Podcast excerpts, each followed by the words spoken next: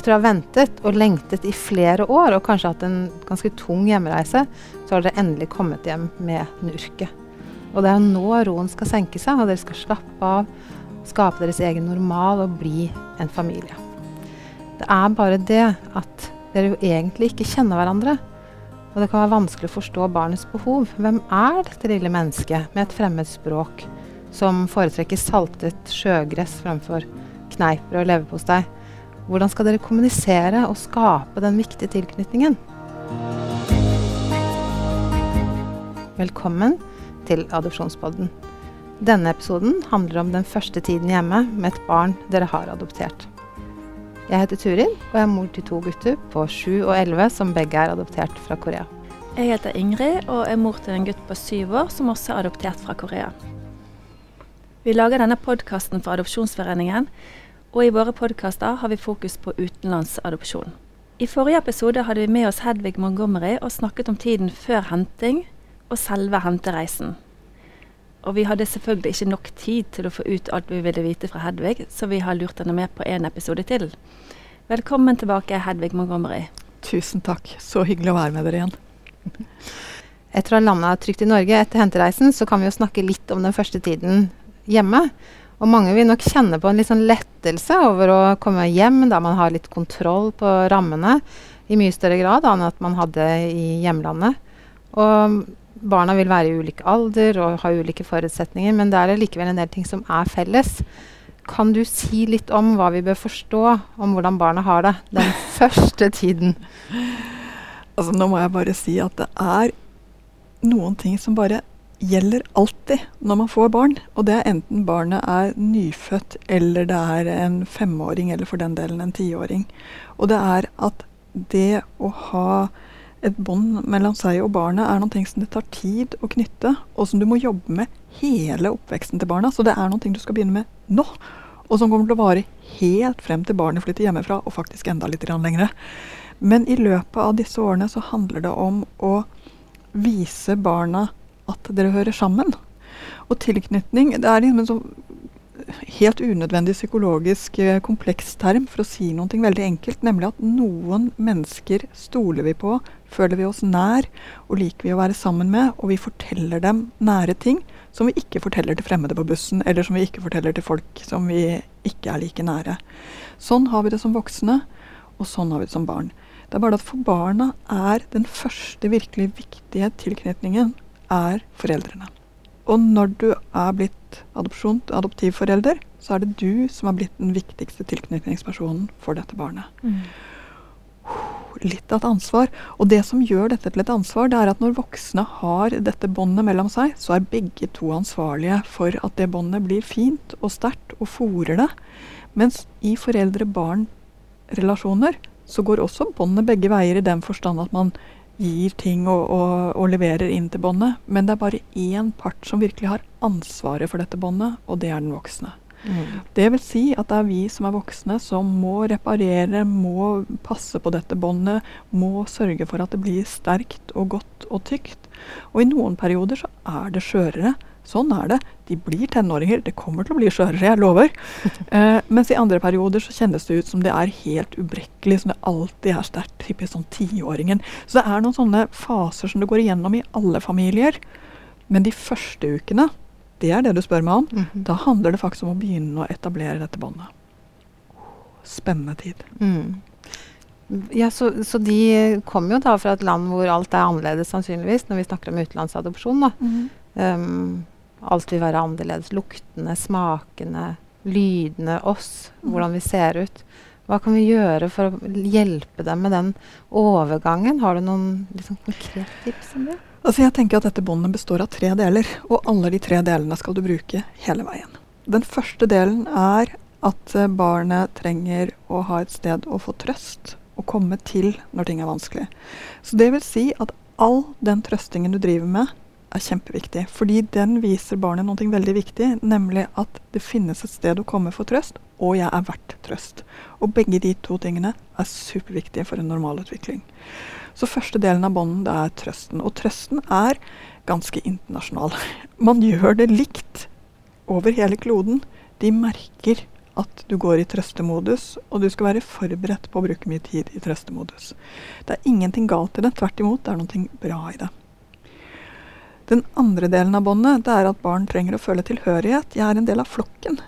Sånn at helt sånne ting som viser at, nå, at du hører til hjemme hos oss, at de har liksom knagger i sin høyde, at det finnes eh, noen leker som At det ser ut som det har vært barn i huset før. Så det er jo en ting å faktisk ha sørget for i forkant, at det er et hus som det ser ut som det bor et barn i. Fordi da er det lettere å komme dit som barn. Mm. Eh, den tilhørigheten handler også om at det dere har funnet ut av at uh, sjøgress funker, så skaff sjøgress, da. Eh, skaff de tingene som gjør at barnet føler at det er lov å være meg i denne familien. Eh, og dette er jo massevis av ting som er fremmed. Du snakker om at vi ser annerledes vi spiser annerledes, men snakk om klær. Altså, det har vært en aha-opplevelse for meg, hvor fysisk krevende det er å få på seg norske klær eh, når du kommer fra andre, annet klima og helt andre kleskulturer. Så dette må gå litt gradvis. Dere må være klar over at det virker liksom selvfølgelig hvor vanskelig er det. Du må jo ha på deg parkdress. Parkdress kjennes ut som en sånn tvangsdress når du aldri har vært borti fenomenet før. Så det er mm. massevis av slike ting som du bare må vite at det å lage denne tilhørigheten, det er fint. Jeg skjønner at det der var ullundertøy. Mm, klart det. Tar tid å bli vant til, eh, og vi har den tiden. Eh, og at vi må tilpasse oss barnets vaner og lære oss litt, grann, som gjør at vi også tilpasser oss det. Så hele denne del to av båndet er. Lag oss som familie. Dere har endret dere som familie i det øyeblikket dere fikk et barn. Dere har blitt mm. større. Det er klart det gjør noe med dere. Og det er jo sånn at de, de, norske adoptivforeningene de har ganske mye informasjon om barnet uh, mm. før du henter det. Så da vil det jo kanskje stå da, hva de liker å spise, og hvordan når de legger seg. Du har en del uh, forkunnskap da, som du kan bruke den tida. Og heldigvis for det. Men allikevel må jeg si jeg har vært borti nok barn som nekter å spise de tingene når de har kommet til sin nye familie. Uh, og de gamle tingene som funket med legging, gjorde kanskje det der de bodde før. Mens det er helt kliss umulig å få det til akkurat sånn hjemme hos dere. Så nesten uansett så må dere være forberedt på at dere står litt på null. Mm. Og så har jeg et litt sånn konkret spørsmål, fordi de, de, sørger jo i ulik grad, selvfølgelig. Men noen kommer fra barnehjem og har hatt gode omsorgspersoner der. Uh, noen kommer fra fosterfamilie og har hatt uh, nærmest en familie da, uh, der. Og de har jo mistet noe. Um, skal man ha bilder av, av omsorgspersonene oppe på kjøleskapet? Skal man ha det tilgjengelig for barnet sånn at de skal sørge, eller skal vi gjemme det litt bort, så de kan slippe å tenke på det en stund? Altså, det er et veldig godt spørsmål. Uh, og jeg tenker at vi er alltid forvaltere av barnets historie, og vi skal alltid passe på barnets historie. Uh, jeg er veldig opptatt av at det å ha hemmeligheter for barn alltid vil straffe seg på et eller annet tidspunkt. Så mitt råd her er lag den der boken om mitt liv som dere bare fortsetter å lime inn i etter hvert som dere vet, og etter hvert som dere får ser nye ting, hvor denne første starten finnes. Uh, og i starten er det fint å ha bilder fremme. Etter hvert kan de bildene gå inn i boken, sånn at barnet går og ser etter dem når uh, han eller hun har lyst til å se på det. Uh, men ha det alltid tilgjengelig. det er ikke noe feil eller noe skam i at det har vært en omsorgsperson før deg. Tvert imot. Du er jo supertakknemlig for det. Mm. Så hold hjertet ditt der. Hold hjertet ditt at det er fint. Og så må du se. For noen barn blir det for mye å få dette tvunget på seg. De trenger å ha det et sted hvor de f.eks. kan se på innsiden av skapdøren hvor det er. Altså Det føles bedre enn at det er utenpå skapet. Man må føle seg litt frem eh, mm. etter, etter, hvordan barnet vil ha det. Men jeg ville aldri ha skjult eller tatt bort eller strøket en del av et barns historie. Jeg ville alltid ha beholdt den. Ja, absolutt. Takk. Og så en annen ting som er litt vanskelig, det er jo at veldig mange eh, adoptivforeldre opplever det å bli valgt borte og ikke bli favorisert, at barnet favoriserer den ene, og kan ganske brutalt avvise den andre. Så hva vil du si til eh, hvordan skal man takle en sånn avvisning og bli valgt bort? Ja? Altså for det første må jeg bare si dette er ongoing business i alle småbarnsfamilier. Eh, sånn at også de som har født barn, vil oppdage at plutselig så er pappa så upopulær eh, at han til og med blir fysisk dyttet bort av toåringen. Eh, eller mamma er bare helt sånn Hun får ikke en klem engang når hun kommer inn. Det er bare pappa, pappa, pappa og bare pappa som får trøste. Altså Dette skjer i absolutt alle familier. Uh, og når vi kommer til denne skjære prosessen og blir kjent på dette helt nære nivået som barna gjør når de kommer etter en hentereise, så er det egentlig mer enn krevende nok å ta én. Så det er ikke så rart at de virkelig bruker kreftene sine der hvor de først føler at de får hekt, der hvor de først føler at de, at de hører til. Mm. Det betyr ikke at den andre forelderen ikke kommer. For det gjør den som regel. Eh, det er bare at det kommer etterpå. Eh, og jeg tror det er ganske viktig å være klar over at den som ikke blir valgt, er så tøft. Fordi hun eller han har jo drømt like mye.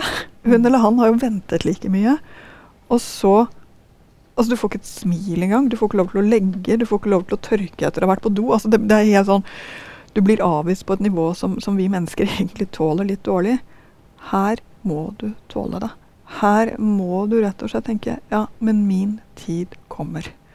Min tid kommer. For det gjør den. Eh, så det å bli avvist er noe av det tøffeste vi mennesker opplever, og det gjør at vi ofte reagerer med å bli ganske sure. Det nyhenta barnet fortjener ikke at du blir sur.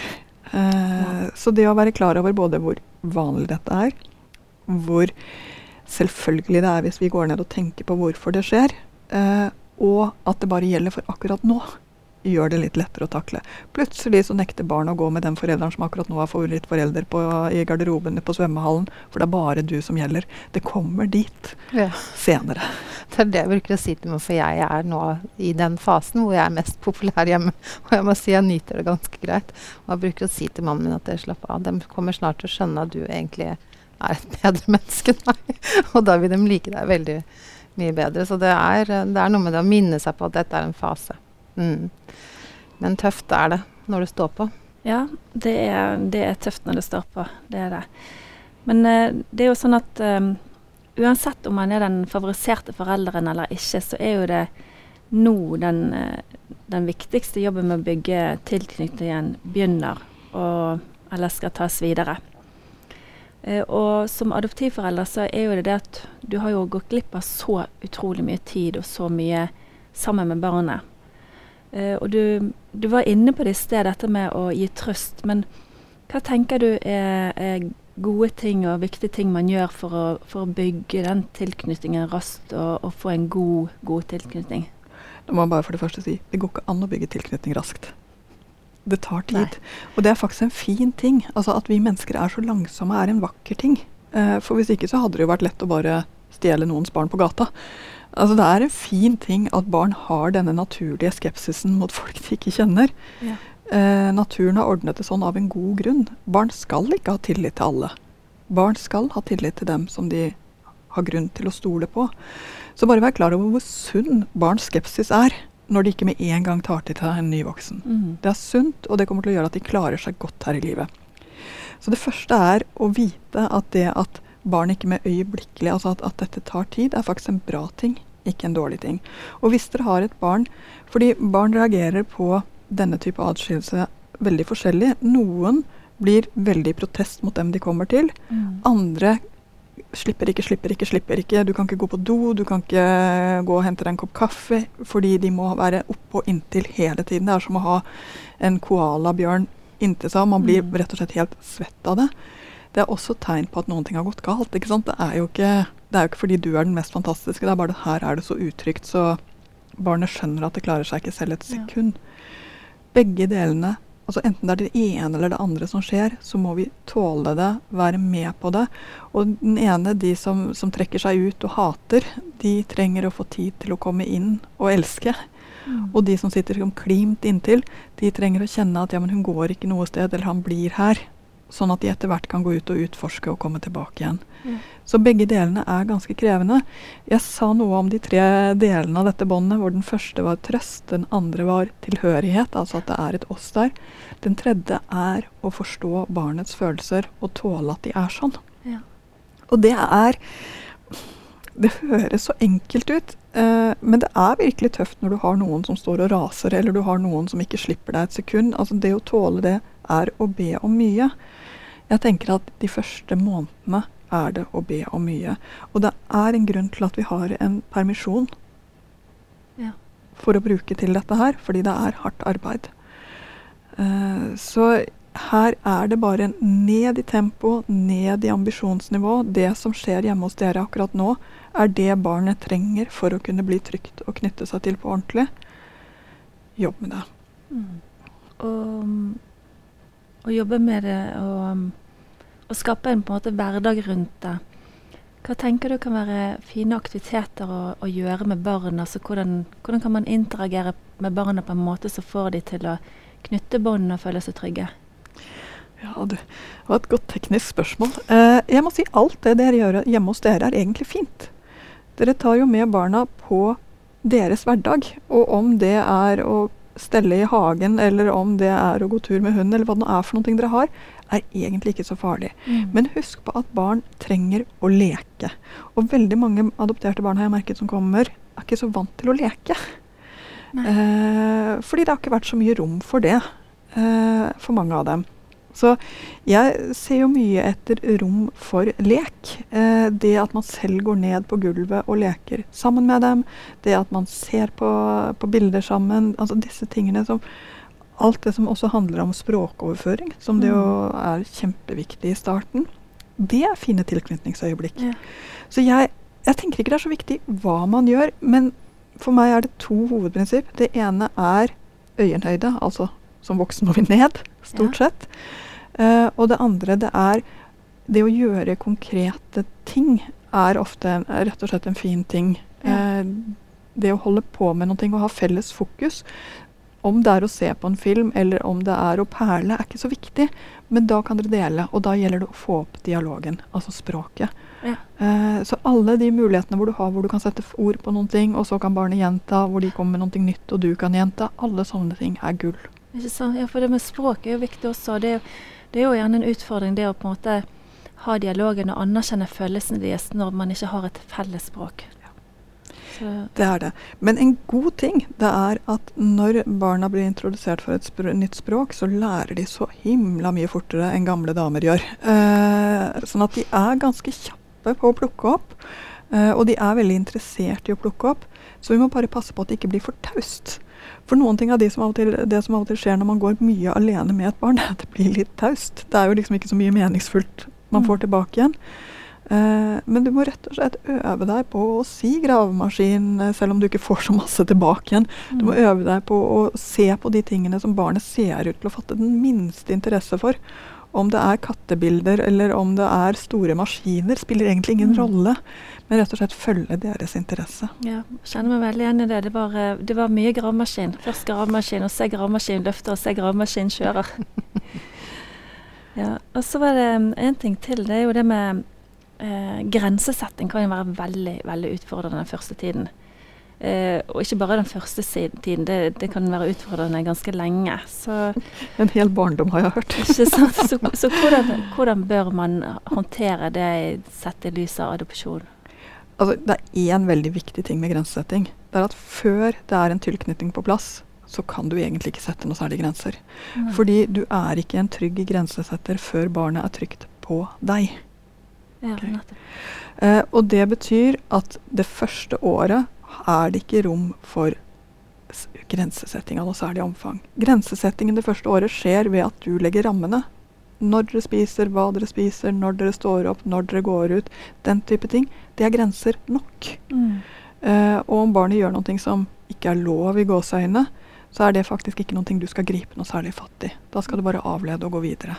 Ja. Så mens du holder på å etablere bånd, så er det utrolig lite du kan være si nei tydelig, eller du kan si ikke lov. Altså det, det er ikke der dere er. Det kommer mye senere. Skjønner. Mm. Mm. Det er jo viktig å ta med seg. Mm. Jeg tenkte på en ting til også. som Det her er jo lett å glemme når, man, når det er en stund siden. Men det er jo en litt sånn sårbar periode når det gjelder tilknytning. Å finne Barnet skal skjønne hvem som er deres nye omsorgspersoner. Og da får vi jo råd fra adoptiv, adopsjonsforeningene, og vi får fine brosjyrer vi kan dele ut i familie og sånn, som sier noe om at de ikke skal uh, være den som trøster eller mater, eller at de lar oss være foreldrene på, på alle mulige områder den første tida. Og det har vi jo fått kjenne på mange at kan være ganske utfordrende. Det, min mor jo, fikk jo sitt første barnebarn, som var adoptert, og hun har jo lengta like mye som meg. Og hun skjønte det, selvfølgelig på et rasjonelt nivå, men, men hvordan takler man når familie så gjerne vil også være omsorgspersoner den første tida? Altså, deres tid kommer. Uh, og det viktigste som Nå må jeg bare si at man, jeg tror ikke man skal være altfor absolutt på dette her heller. Uh, barn har godt av at det kommer varme også uh, inn i, til dere som fellesskap. Men da kommer varmen inn til dere som familie, ikke til barnet. Altså Det vil si at en bestemor må også hjelpe deg. Og må komme og ha bakt brød til deg. Altså rett og slett disse tingene som man trenger når man er alene med barn.